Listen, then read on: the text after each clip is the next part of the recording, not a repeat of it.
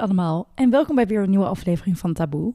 Vandaag ben ik weer niet alleen. Vandaag ben ik namelijk met een professional, namelijk met Willemijn. Ja, Wil je jezelf even voorstellen? zeker.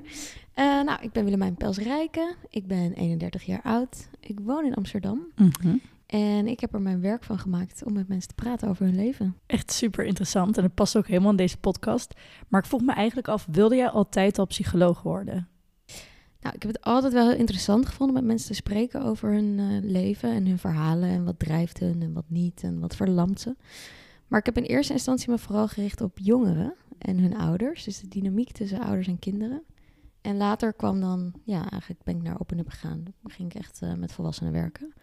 Dus in eerste instantie was ik vooral geïnteresseerd in kinderen. En dat, ja, dat volwassen stuk kwam later. En zit die dynamiek dan heel anders in elkaar bij kinderen? Zie je bijvoorbeeld dat zij hele andere obstakels hebben dan oudere mensen?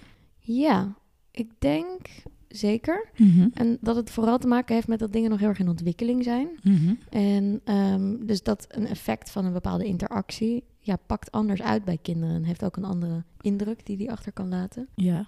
Ehm, maar over, ja, dus ik zou zeggen, de kindertijd is heel vormend. Mhm. En de volwassen tijd is een periode waarin die vorm eigenlijk geherevalueerd kan worden.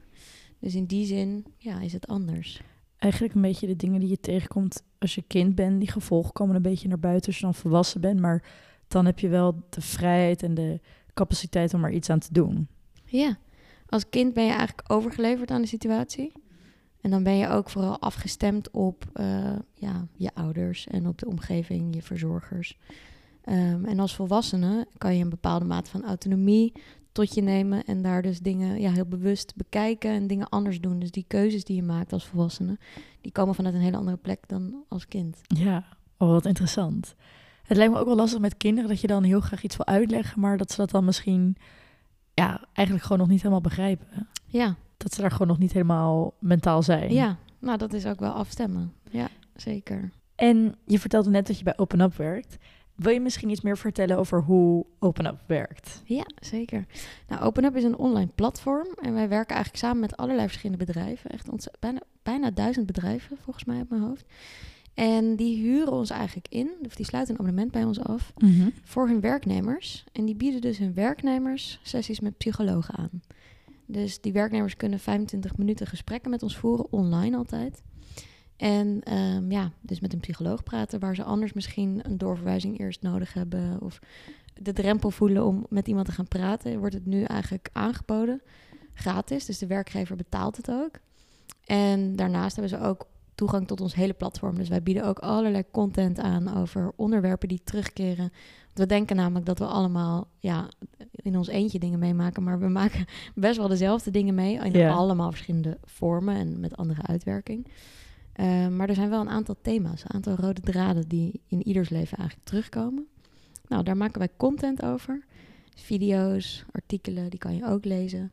We bieden ook mindfulness aan. Dus het is eigenlijk een heel breed platform om iets met je mentale welzijn te doen. Ik vind het zo cool dat dit bestaat. En ik ben echt super blij dat, wat jij al zei, dat zoveel bedrijven dit al doen. Ja, echt heel goed. Echt super goed.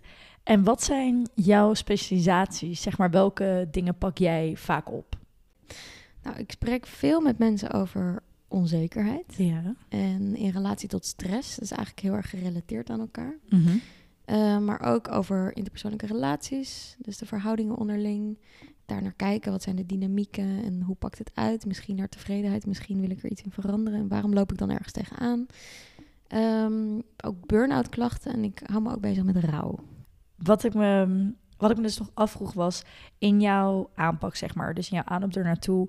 Wat mij heel lastig lijkt, is in de aanloop dat je dan uh, wel empathie moet tonen, maar ja, misschien ook wel een beetje, ja, hard is misschien niet helemaal het juiste woord, maar wel streng moet zijn. En ja, hoe zie jij dat? Ja, mooie vraag. Dank je wel. um, nou, daar kaart je iets heel belangrijks aan inderdaad, waar ik denk veel psychologen mee bezig zijn, of veel mensen die überhaupt met uh, welzijnswerk bezig zijn, uh, zich daar bewust van zijn, wat is die goede balans? Um, mijn persoonlijke stijl is, ja, als jij bij mij komt voor een sessie, dan uh, heeft het ook niet zoveel zin als ik jou niet confronteer met dingen die ja, anders kunnen of uh, ja, waar je nog een inzicht in kan verwerven. Betekent niet dat dat zonder empathie gepaard gaat. Kan dat heel liefdevol doen. En het hangt ook per persoon weer ervan af wat helpend gaat zijn. Dus het is heel goed kijken naar de persoon. In hoeverre is er uh, weerstand of in hoeverre is er juist ja, heel veel fragiliteit en is het heel ja, spannend om iets bespreekbaar te maken. Mhm. Nou, dan is de aanpak misschien ook wat anders. Maar aan het eind van de sessie wil ik wel dat je ja, echt met iets weg kan gaan. Dat je echt het idee hebt van, nou, dit heeft me aan het denken gezet. En dat gaat meestal niet met ja, vragen die ja, niet heel erg confronterend zijn, laat ik het zo zeggen. Nee, precies. Of een beetje confronterend. Ja, precies. Nee, als je de hele sessie een beetje iemand zijn handje vasthoudt, dan, dan kan je niet echt met zo'n vraagstuk naar huis. Nee, nee. En soms is het wel heel fijn dat een sessie kan gaan over ruimte geven aan verdriet. En dan, ja, dan is het anders dan confronterend doen. Mhm.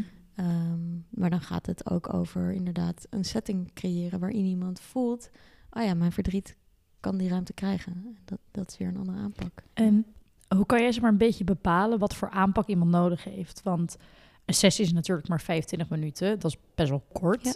En misschien als iemand zijn probleem dan op tafel legt, ik kan me voorstellen dat het soms ook al 20 minuten duurt. Dus hoe lang heb je daar meerdere sessies voor nodig? Of heb je al heel snel een idee hoe dat eruit gaat zien? Ja, ook een leuke vraag. nou, we vragen ook altijd op voorhand eens zelf na te denken. Wat drijft je om een sessie te boeken? Wat is het doel? Waar kom je voor? Dus meestal als ik iemand spreek, heeft hij er ook al over nagedacht. En dat is heel fijn, want dan begint hij te vertellen. En dan al vrij snel zijn er een aantal ja, kernwoorden die naar voren komen, die een beetje in een bepaalde richting wijzen. Maar ja, dan weet ik het nog steeds niet. Zeker, inderdaad. En eigenlijk gaandeweg met de cliënt kijken we naar, nou ja, klopt het dat het misschien over dit gaat? Want we begonnen bij punt A en we komen nu uit bij iets wat eronder ligt, wat er aan de grondslag ligt. Voelt dat ook kloppend voor jou? En ehm, ik denk door ja, eigenlijk een soort van aan te voelen, in te voelen en vragen te stellen daarover, in te checken. Van ik ga nu deze kant op, klopt dat ook nog voor jou? Ja, lukt het om eigenlijk vrij snel toch tot de kern te komen. Ja. Wel echt interessant dat, je, dat het zo gaat. En ik vind het ook wel goed inderdaad wat je zegt, dat je samen een beetje ernaar op zoek gaat. Want ik heb zelf ooit een keer gehad dat een psycholoog en die kwam met de oorzaak van mijn probleem waar ik het zelf gewoon helemaal niet mee eens was. Althans, ik had niet het idee dat het zo was. En we eindigden die sessie daar ook mee. En toen ging ik een beetje, ja, ja, niet gefrustreerd naar huis, maar ik dacht wel van, hè, maar dit klopt helemaal niet zo in mijn hoofd. Dus toen had ik al mijn zelfvertrouwen bij elkaar geraapt en volgende sessie uh, dat wel gezegd. Dus ik vind het heel fijn om te horen dat je daar inderdaad samen naartoe gaat. Want het kan best wel zo zijn dat er dingen zijn die mensen misschien nog niet hebben verteld. Dat er een soort aap uit de mouw komt van, oh, weet je, uh, dat was het probleem. Zeker. Ja, dat gebeurt regelmatig. Ja. En soms komen we ook heel ergens anders uit dan we allebei dachten in eerste instantie. en dat is ook oké. Ehm, ja, ik vind het ook wel cool dat jij dus terug bent gegaan en het gewoon hebt gezegd. Want daar heb jij het meest aan. En uiteindelijk degene met wie jij in gesprek bent gegaan ook. Ja, uiteindelijk heb je gewoon een gezamenlijk doel. Ja. En hoe um, heb je dus meegemaakt dat een behandeling of een plan... Nou, jullie schrijven uh, namelijk niet hele behandelingsplannen, toch? Klopt. Maar ik kan me wel voorstellen dat je advies geeft en dus wel iets van groei mee maakt. Hoe um, heb je wel eens meegemaakt dat het niet aanslaat of dat iemand helemaal niet gemotiveerd is om um, aan zichzelf te werken? Um, ja. ja, we zijn inderdaad preventief. Dus ja, we spreken met mensen in een stadium waarin nog niet inderdaad een behandeling vereist is. Dus we kijken eigenlijk hoe kunnen we nu al een beetje tweaken en dingen gaan toepassen, inzichten verwerven, dingen anders doen, um, zodat jij het gevoel hebt dat je zelf weer aan de slag kan gaan. Nou, en dan is het wel eens dat er best wel weerstand bij komt kijken. Of dat iemand voelt, oh, dit is spannend. Of dit wil ik niet. Of ja, ik dacht dat het misschien wat makkelijker was dan het daadwerkelijk was. Um, en dat is dan ook oké. Het gaat er eigenlijk uiteindelijk om dat jij de deur uitloopt en het gevoel hebt dat je ja, of het zelf weer kan doen, mm -hmm. of dat wij jou daarin kunnen begeleiden. En dat jij eigenlijk nog steeds in de leiding bent op beide paden. Dus zowel als je het zelf ja, aanpakt, als wanneer je het samen met ons doet in de samenwerking. Dus in die zin, als, het, als we op weerstand stuiten, mm -hmm. want ik geloof dat dat ook de vraag was, toch? Ja, ja, ja. Um, dan is het heel interessant. Wat is die weerstand en waar komt dat dan vandaan? Is het misschien angst of is het misschien onzekerheid of is het misschien dat we niet in de juiste richting denken? Nou, dan gaan we het eerst daarover hebben, alvorens we een stap verder zetten. En dan meestal, ja, vind je dan wel weer een weg samen. Ja, en uiteindelijk natuurlijk als er dan iemand naar jou toe komt, dan zal er wel iets in zitten inderdaad dat ze denken van, ik wil er, ik wil er wel aan werken. Maar wat jij zegt inderdaad, dat het dan toch een beetje angst is of iets in die richting. Ja. En als je dan samen uitkomt, dat je uiteindelijk alsnog een grote stap kan zetten. Precies. En je vertelde ook dat je nou, veel dingen doet met interpersoonlijke relaties. En ik ben best wel benieuwd wat voor soort van een negatief interpersoonlijke relaties, wat dat ehm, met iemand doet. Wat zie jij veel of hoe of wat voor effect heeft dat? Eh, negatieve interpersoonlijke relaties. Nou, ik denk dat je dan bedoelt dat we dat allerlei relaties hebben we het dan over. En waar ergens iets in zit, in die dynamiek, waar we niet tevreden over zijn. Klopt dat? Ja, Bedoel je zoiets als ruzie? bijvoorbeeld. Ja. Nou, het hangt ontzettend af van met wie ik praat. Mhm. ehm, welke weg we inslaan. Maar wat altijd interessant is om te kijken, is ja, wat, wat kenmerkt jullie relatie? Wat is jullie relatie? Elke relatie is heel anders. Mhm. Er is geen twee dezelfde relatie in de wereld. Ehm, dus in die zin is elke aanpak uniek. Maar als de overhand neemt in een negatieve zin, ja, dan zou ik zeggen dat heeft ook negatieve uitwerking op je leven. ja. Want we willen ons verbonden voelen. We willen genieten van samen zijn en ja, daarin connectie ervaren. En allerlei andere waarden vervullen, zoals speelsheid en avontuur. En leuke dingen met elkaar ondernemen. En nou, dat, dat is iets wat we eigenlijk allemaal heel universeel nastreven. Dus als dat niet prettig is, of als dat negatief is zelfs, ja, dan heeft dat ook een negatief effect. En dat kan op allerlei manieren weer zijn uitwerking hebben. En hoeveel, ehm, hoeveel sessies heb je ongeveer op een dag? Nou, dat verschilt echt heel erg per dag. Ik doe ook nog wat ander werk voor OpenUp. Ehm, nou, soms acht, soms tien, soms zelfs twaalf. Zo. dat is best wel veel. ja, maar ik zou zeggen gebruikelijker, en dat verschilt ook heel erg qua tijd van het jaar. Mhm. Ehm, gebruikelijker zou ik zeggen acht.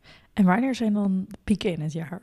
Ja, toch wel in de winter. Ja, toch Ja. wel. Ja, de donkere dagen. In de zomer voelen we allemaal, die zon die doet wat met ons. Dat is heel fijn en we gaan op vakantie. En nou, dat, dat doet ook echt iets met onze gemoedstoestand. Ja. Ja.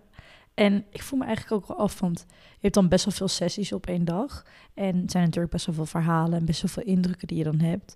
Hoe ehm, doe je dat dan als je thuis komt, zeg maar? Hoe laat je dat dan los? Ehm, nou, door de adviezen die ik geef zelf ook toe te passen. Ja.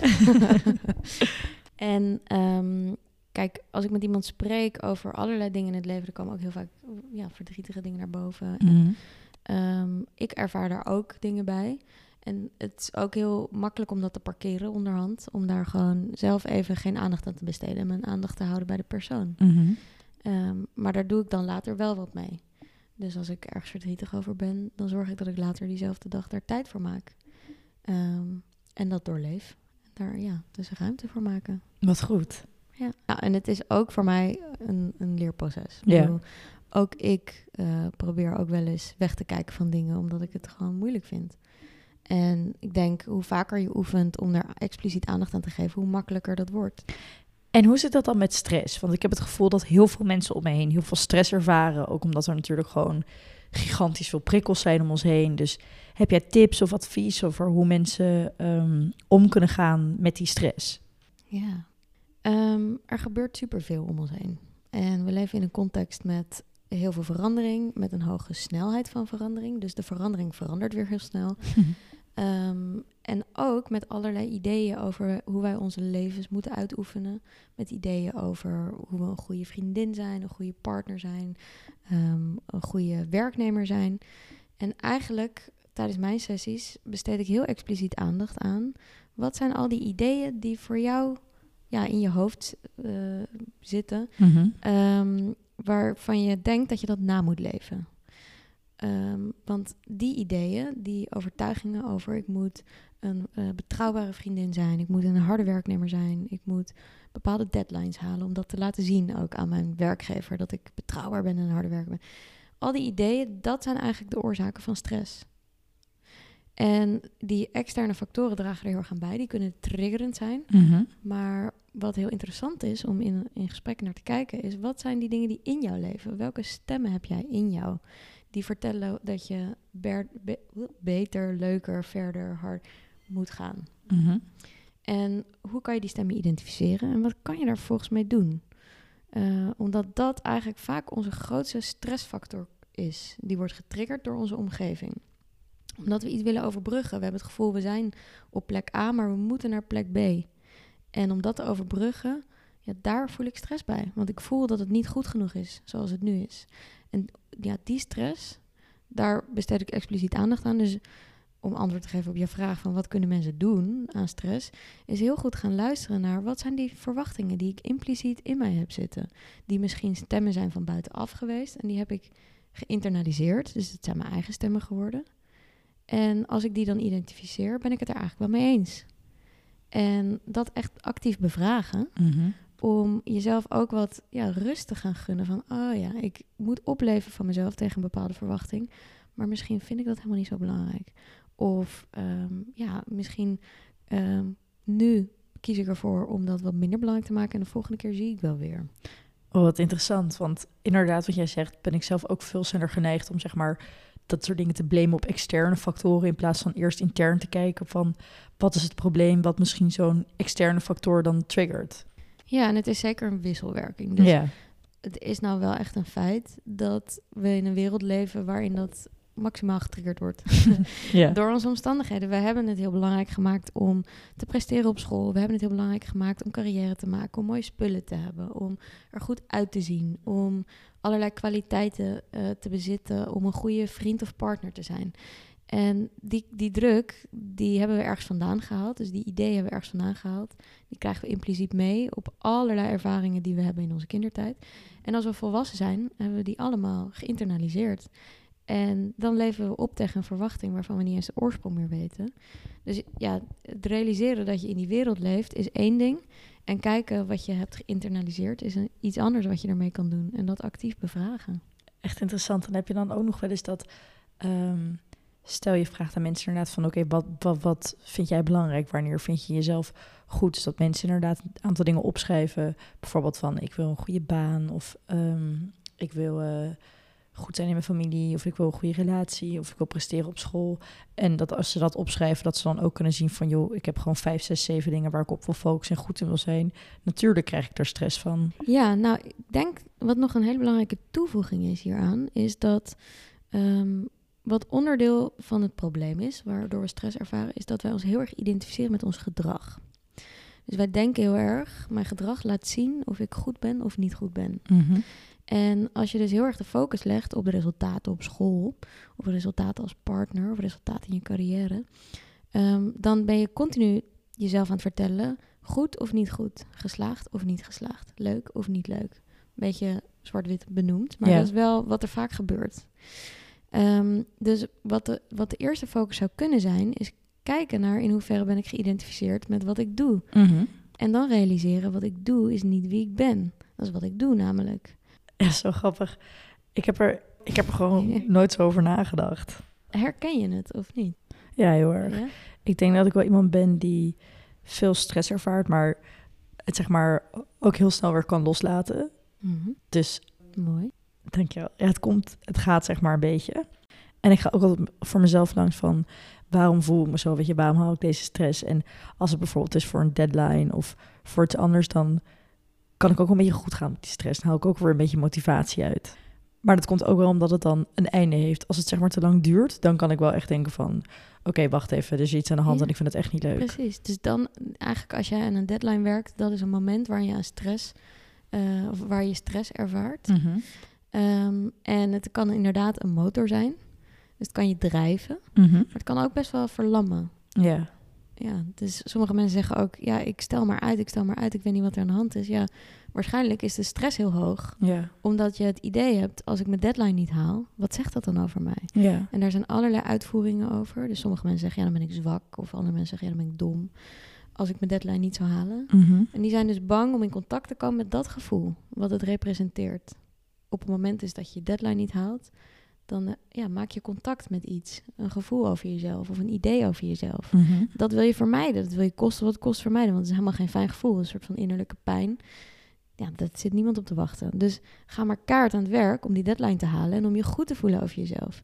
Maar door dat zo bewust gekoppeld te hebben, en ook dus bijvoorbeeld als je je deadline wel haalt, te denken, heel goed van mij, ja, supergoed dat je het hebt gehaald, maar nog steeds, of je hem nou wel of niet haalt, je bent een prachtig mooi mens, helemaal goed zoals je bent, of je de deadline nou haalt of niet. Mhm. Het zegt niks over wie je bent. Het zegt wel iets over je gedrag of over hoe je het hebt aangepakt of over het resultaat dat je hebt gecreëerd.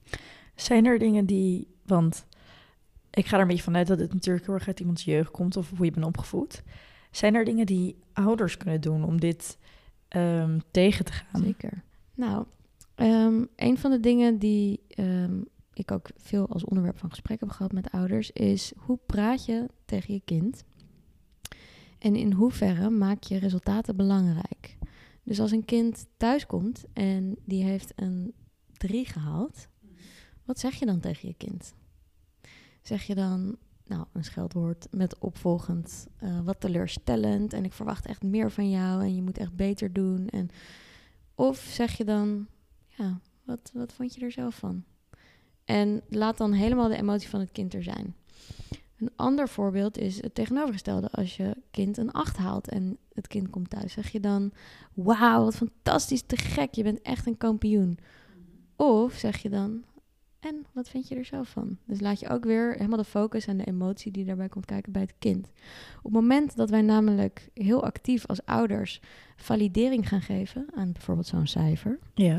dan leert een kind al heel snel: oh, kijk, als ik een goed cijfer haal, dan krijg ik een hele mooie reactie met heel veel liefde en heel veel positiviteit en vrolijkheid. Mhm. Dat wil een kind. Die voelt zich gezien, gewaardeerd, geliefd en die voelt een soort van iets groeien. Ja. En op het moment dat je een negatieve reactie geeft als ouder, voelt een kind ja, eigenlijk een soort van: oh nee, dit, deze reactie die wil ik niet nog een keer. Dus ik moet heel hard gaan werken om die reactie niet nog een keer te krijgen. Wat je kan doen als ouder is zo neutraal mogelijk reageren.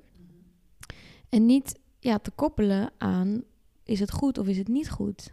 Maar heel erg bij het kind te blijven en bij de emotie bij het kind te blijven. En dan zullen alle ouders zeggen: ja, maar ik wil toch dat mijn kind goede cijfers haalt.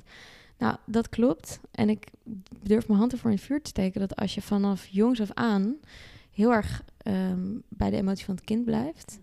En niet zelf gaat beoordelen met goed of fout. Of ik ben super blij of ik ben heel erg teleurgesteld in jou. Mhm. Dat je dan de motivatie van een kind veel hoger houdt. Een kind wil ontwikkelen, groeien, is nieuwsgierig uit zichzelf.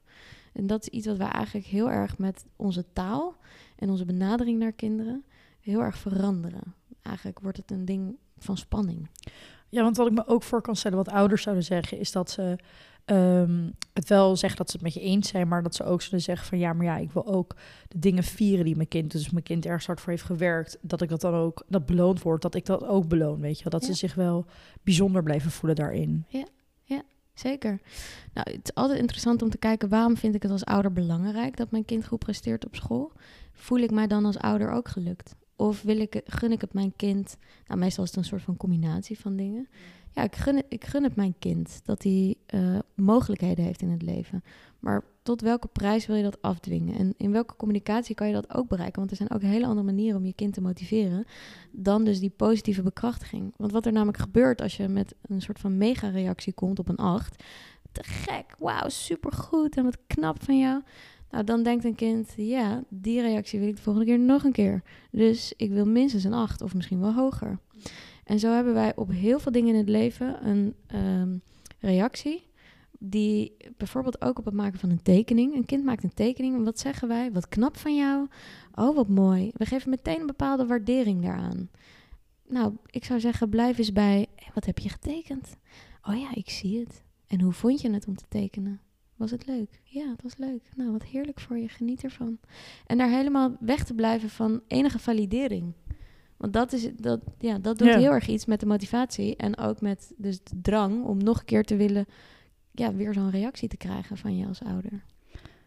Ja, ik snap echt heel goed wat je bedoelt, maar ik zou dit wel heel lastig vinden, want ik heb bijvoorbeeld zelf heel veel opgepast op eh, hele jonge kinderen van bijvoorbeeld nog een jaar, maar ook van ehm, vijf jaar en, en zelfs ook nog iets ouder.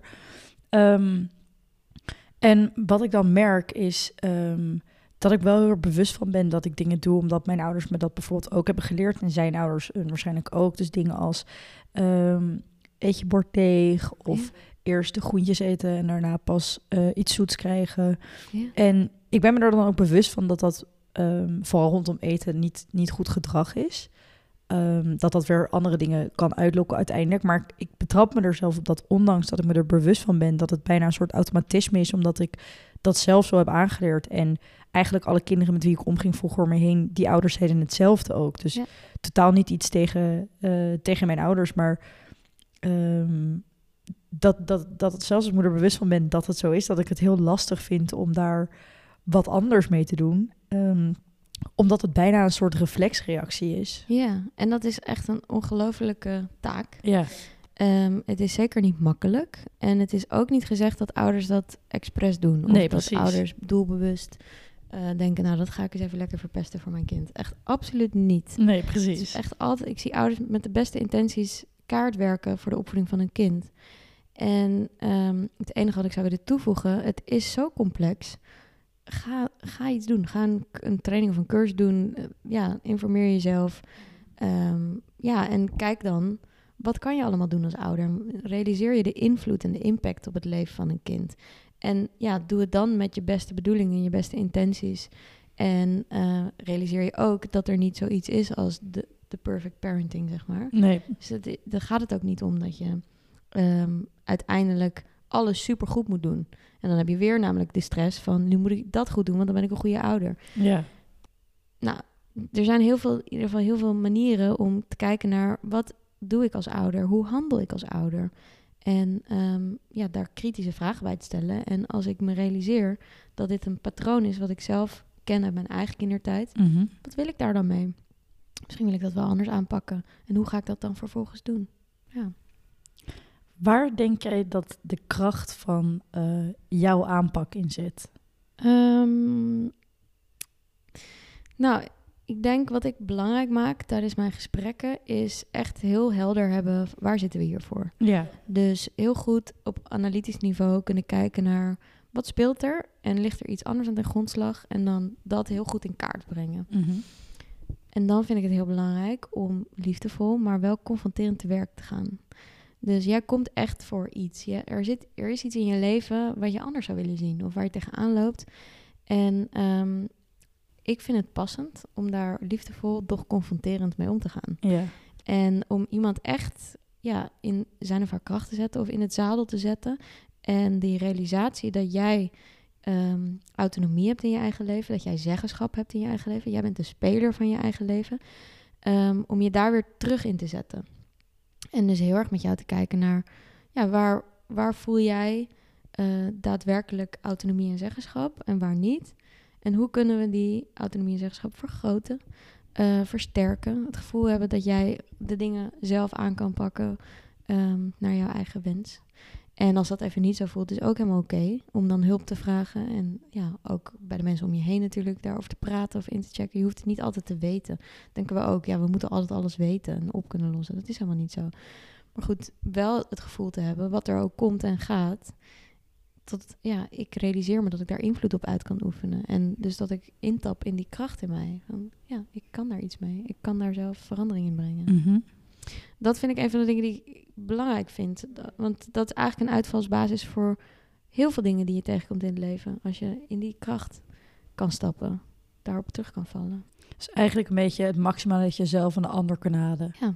Dus eigenlijk een beetje handvaten en tools geven aan iemand, zodat hij ja, inderdaad gewoon de beste versie van zichzelf kan worden. Ja, en dan met het idee van we gaan voor de, we gaan voor de sterren, we gaan voor het hoogst haalbare. Niet omdat het dan betekent dat je goed bent, of dat je de- dit traject goed doet, of dat je eh, het goed voor mij doet. Mhm. Want dan komt er natuurlijk weer diezelfde spanning en stress waar we het net over hadden. Maar gewoon omdat het in je zit. Je hebt het in je om voor maximaal te gaan. Je hebt oneindig veel mogelijkheden, talenten. En eh, ja, da- maak daar contact mee. En voel dan de mogelijkheden die daaruit voort kunnen komen. Echt mooi. ja, mooi antwoord. Ik wil het ook nog even hebben over een stukje rouw, want daar eh, ben je natuurlijk ook specialist in. Mhm. Ik heb namelijk een aantal mensen om me heen die dat ehm, van een heel eh, persoonlijk vlak heel dichtbij hebben meegemaakt en daarna hulp zijn gaan zoeken ehm, en eigenlijk hulp zijn geweigerd omdat Mhm. ze zeiden van ja, rouw is gewoon een heel persoonlijk proces. Ja. En ik vroeg me eigenlijk af hoe jij daarin staat. Nou, rouw is inderdaad een heel persoonlijk traject. En ik denk elke rouw is heel eigen, anders en niet te voorspellen. Ehm, dus het is ook zeer complex om naast iemand te staan en daarin mee te kijken in rouw. Ehm, en in die zin snap ik het dat mensen zijn geweigerd en vind ik het dat ook heel jammer. Ja. Ehm, ja, want er zijn eigenlijk allerlei facetten die komen kijken bij rouw en bij iedereen is dat weer anders. Mhm. En ik denk dat, daar, dat het heel fijn is als iemand deelgenoot is daarvan en dat je dat niet in je eentje aan het doen bent. Mhm. En dat het heel fijn is om überhaupt een ruimte te hebben waar je ongegeneerd ruimte kan geven aan verdriet, aan snotteren, aan dat het gewoon helemaal shit is. Mhm. En dat dat heel ellendig kan zijn en hoe eenzaam dat kan voelen. Dus ik wil eigenlijk ja, mensen aanmoedigen om wel met iemand daarover te praten. En als je het idee hebt dat dat met een professional heel helpend kan zijn, zeker te doen. Ja. Ehm, maar inderdaad, rouw is heel complex en is voor iedereen heel verschillend. En er zijn wel een aantal dingen ja, waar ik dan ook die ik belangrijk wil maken. Ehm, maar dat is altijd afgestemd op de persoon zelf. Ja. ja, dus het is moeilijk om een soort van algemene tips te geven over hoe je mee om moet gaan. ja, ik denk tips. Tips ik, mm, Ja, tips is misschien niet helemaal het juiste woord. En ja, het is ook nog belangrijk om even aan te stippen. Rouw komt in vele vormen. Dus we kunnen het hebben over het overlijden van iemand of het verlies van een mens uit je leven, in dierbare. Is rouw. Maar rouw komt ook op andere manieren. Het verlies van een idee of het verlies van een relatie. ehm, het verlies van een droom. eh, en daar weer honderden variaties op. Of vrienden misschien. Of vrienden. Dat ja. ze niet overleden zijn, maar dat ze misschien niet meer in je leven ja. zijn. Dus het kan op hele, heel veel vormen kan het zich opeens ja, aandoen in je leven. Hoe fijn is het als je dat niet in je eentje hoeft te dragen? Ja. Ja, en ik denk, wat, eh, er zijn wel een aantal dingen. Kijk, het überhaupt realiseren dat rouw super onvoorspelbaar is en dat er niet één goede manier is om dat te doen, dat is al heel fijn om van iemand te horen. Van hoe jij jouw proces doorloopt, dat gaat helemaal jouw proces zijn. En dat gaat misschien van onder naar boven, van voren naar achter, een totale mix van allerlei emoties zijn. En dat is helemaal oké, dat hoef je niet te veranderen. Mhm.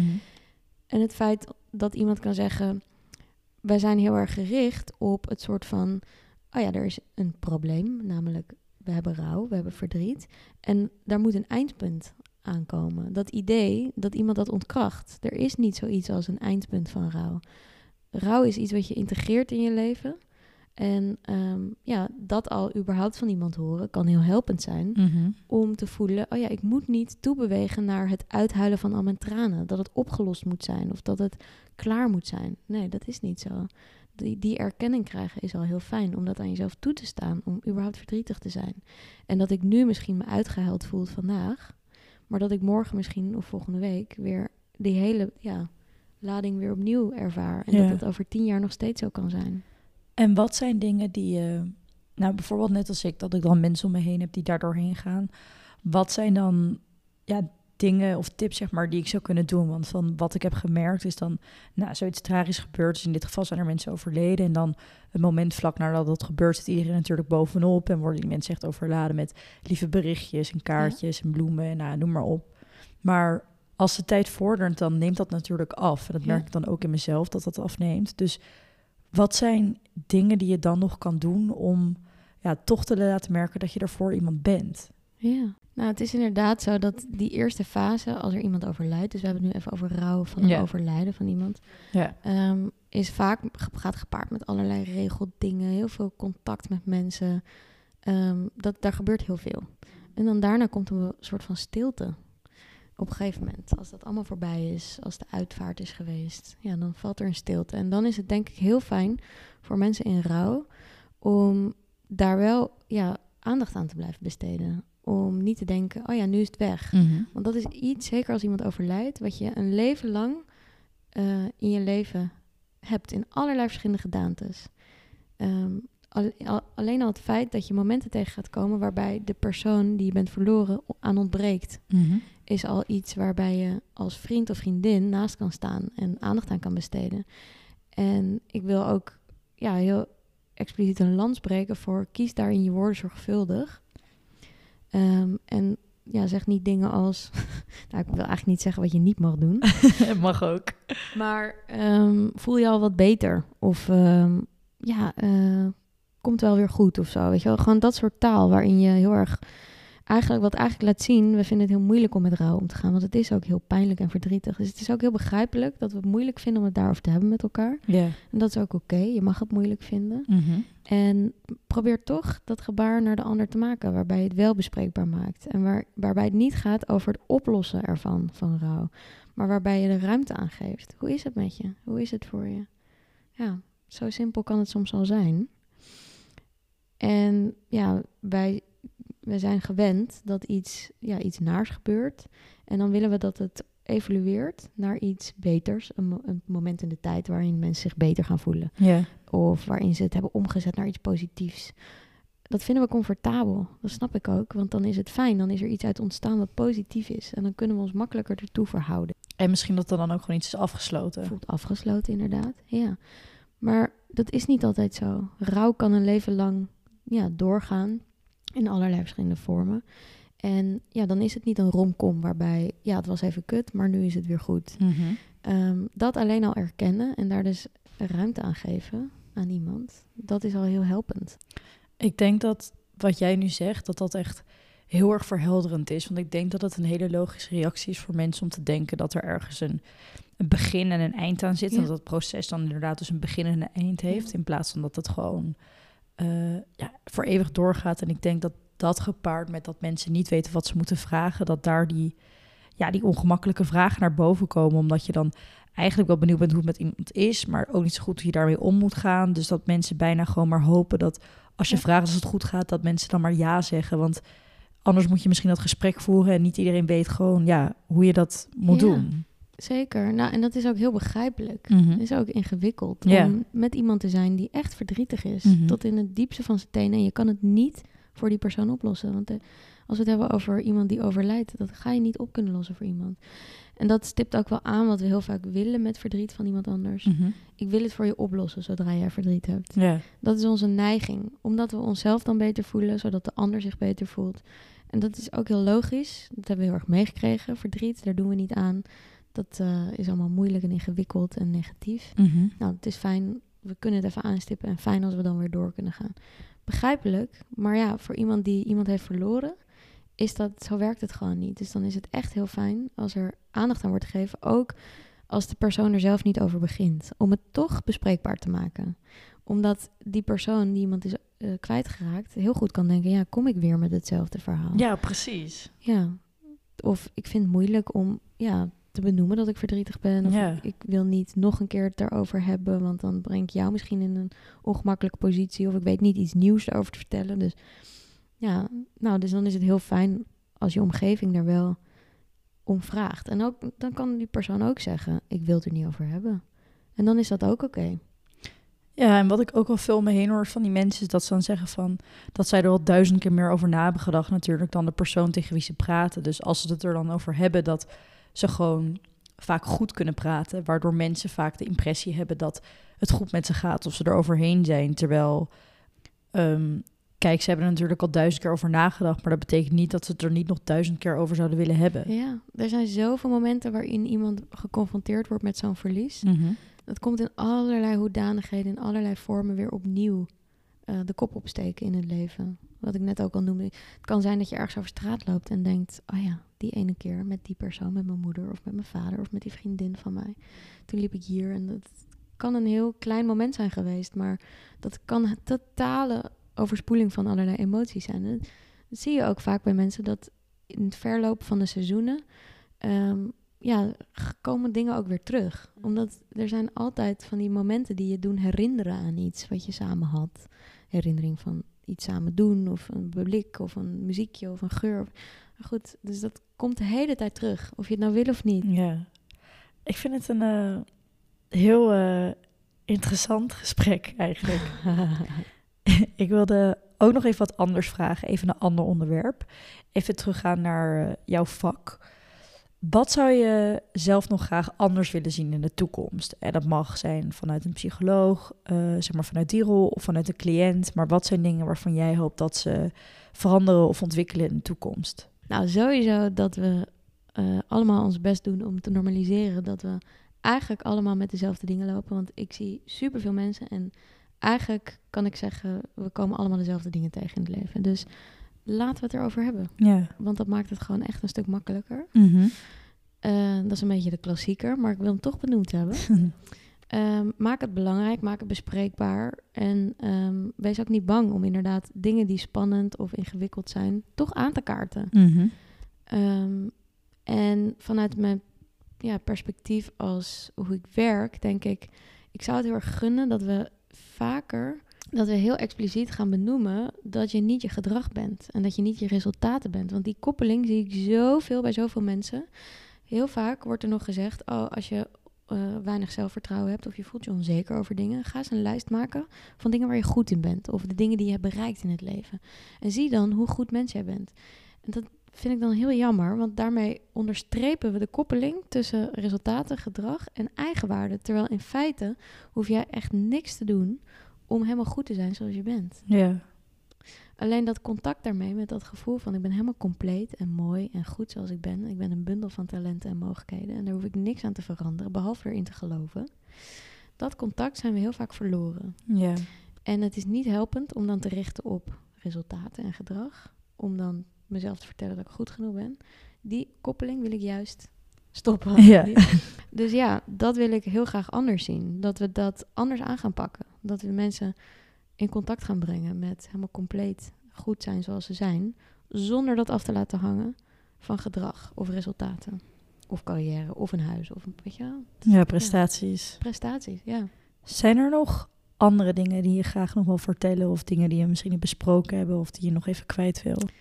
Ik ben heel nieuwsgierig hoe dit voor jou was. En wat je herkent uit wat ik vertel. En wat jouw takeaway dan ook is. Oh, wat leuk. ik krijg zelf bijna nooit vragen. Dus ik vind het altijd wel leuk. Ehm, ik denk dat het voor mij... Ik vond het echt ontzettend verhelderend en echt heel erg interessant. Ja. Ik vond het heel mooi om te zien hoe je eigenlijk alle onderwerpen waar jij ehm, zo goed in bent, dat dat heel veel linkt aan inderdaad dat je jezelf niet moet, niet moet gaan labelen met de dingen die je hebt of de dingen die je doet of je prestaties, maar dat je daar eigenlijk gewoon volledig los van staat en dat dat misschien wel een beetje de kern naar geluk is in dit verhaal. Ja. Ik vind het heel mooi om te zien dat er geen begin en einde aan rouw is, want dat is ja, iets wat ik misschien zelf nooit had bedacht. Ja. Ehm, en ik denk dat het allebei dingen zijn waar ik eh, nog heel veel in kan leren en, en wel bewust mee bezig ben, maar dat nog veel meer kan zijn. En ehm, ja, daar ook echt heel veel uithaal. Ja, mooi. Wel lastig. Tuurlijk, ja. Dingen zijn ook lastig. Ja, En we praten er nu over alsof het ja eh, precies. gesneden koek is. nou, nu weet je het, mag je het gaan toepassen of zo. ja, succes ermee. nou, zo werkt het helaas niet. Maar de realisatie is wel een superbelangrijke stap erin. En ik vind het heel mooi hoe je omschrijft van... nou, ja, het is inderdaad lastig en dat realiseer ik me ook. En ik streef ernaar om het toch te gaan doen. Of om daar toch bewust van te worden. We, ja, eh, iets moeilijk vinden of iets lastig vinden is helemaal niet erg. Laat dat daar maar ook gewoon zijn. Daar hoef je ook niet tegen in verzet. Heel veel dingen zijn ingewikkeld en lastig. mhm. En ja, je kan het zien en het toch doen. Ja, ik denk eh, dat we er zo al zijn. Leuk. Heb jij het naar je zin gehad? Ja, ik vond het heel leuk. Ik denk ook wel, wat een gewauwen van mezelf. maar het is gewoon, ja, ik, ik vind het heel interessant, psychologie. Dus eh, ik praat er graag over. En ik vind het heel leuk om met iemand te spreken die gewoon allemaal vragen heeft daarover en er interesse in heeft. En nou, heel mooi. Dus dankjewel voor het gesprek. Nou, Willemijn, jij super bedankt eh, voor je komst. Graag gedaan. Mocht je dit nou leuk hebben gevonden, zorg dan ook even dat je me volgt op Instagram, taboe.podcast. Deze podcast kan je verder beluisteren op eh, Google Podcasts, Apple Podcasts, Podimo en Spotify. Als je het echt leuk vindt, zou ik het heel erg waarderen als je daar ook even een goede rating achterlaat. Mocht je nog vragen hebben, zelf willen praten of onderwerpen willen aanvragen, kan het allemaal via de Instagram. En dan zie ik je weer volgende week.